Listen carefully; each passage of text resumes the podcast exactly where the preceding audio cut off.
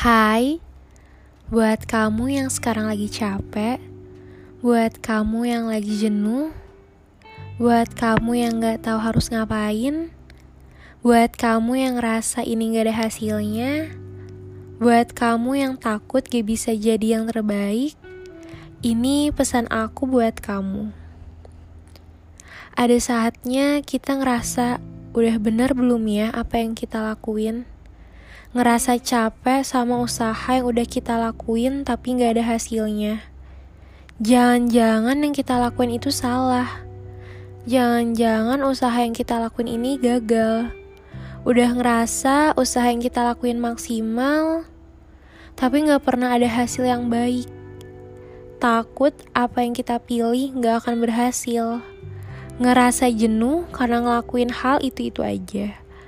Bahkan setiap malam nangis karena kamu takut akan semua ketakutan yang kamu hadapi. Buat kamu yang lagi dengerin ini, aku tahu kamu sekarang lagi capek sama apa yang kamu lakuin. Aku tahu kamu jenuh atas usaha yang gak pernah memihak sama kamu. Aku tahu kamu punya ketakutan. Tapi kamu harus tahu kalau kamu itu hebat udah bisa berjuang sampai sini. Kamu hebat karena kamu gigih. Kamu hebat karena kamu gak berhenti. Kamu hebat karena kamu udah berani bermimpi. Kalau kamu berpikir untuk nyerah, kamu masih punya waktu kok buat istirahat. Kalau kamu ngerasa jenuh, kamu juga punya waktu buat istirahat sejenak. Ingat kenapa kamu masih di sini perjuangin apa yang kamu mau. Buat kamu yang punya rasa takut, yang semua kita takutin itu belum tentu terjadi. Ketika kita ngerasa gagal, apa yang udah kita perjuangin bukan berarti kita salah, dan bukan berarti juga kita kalah.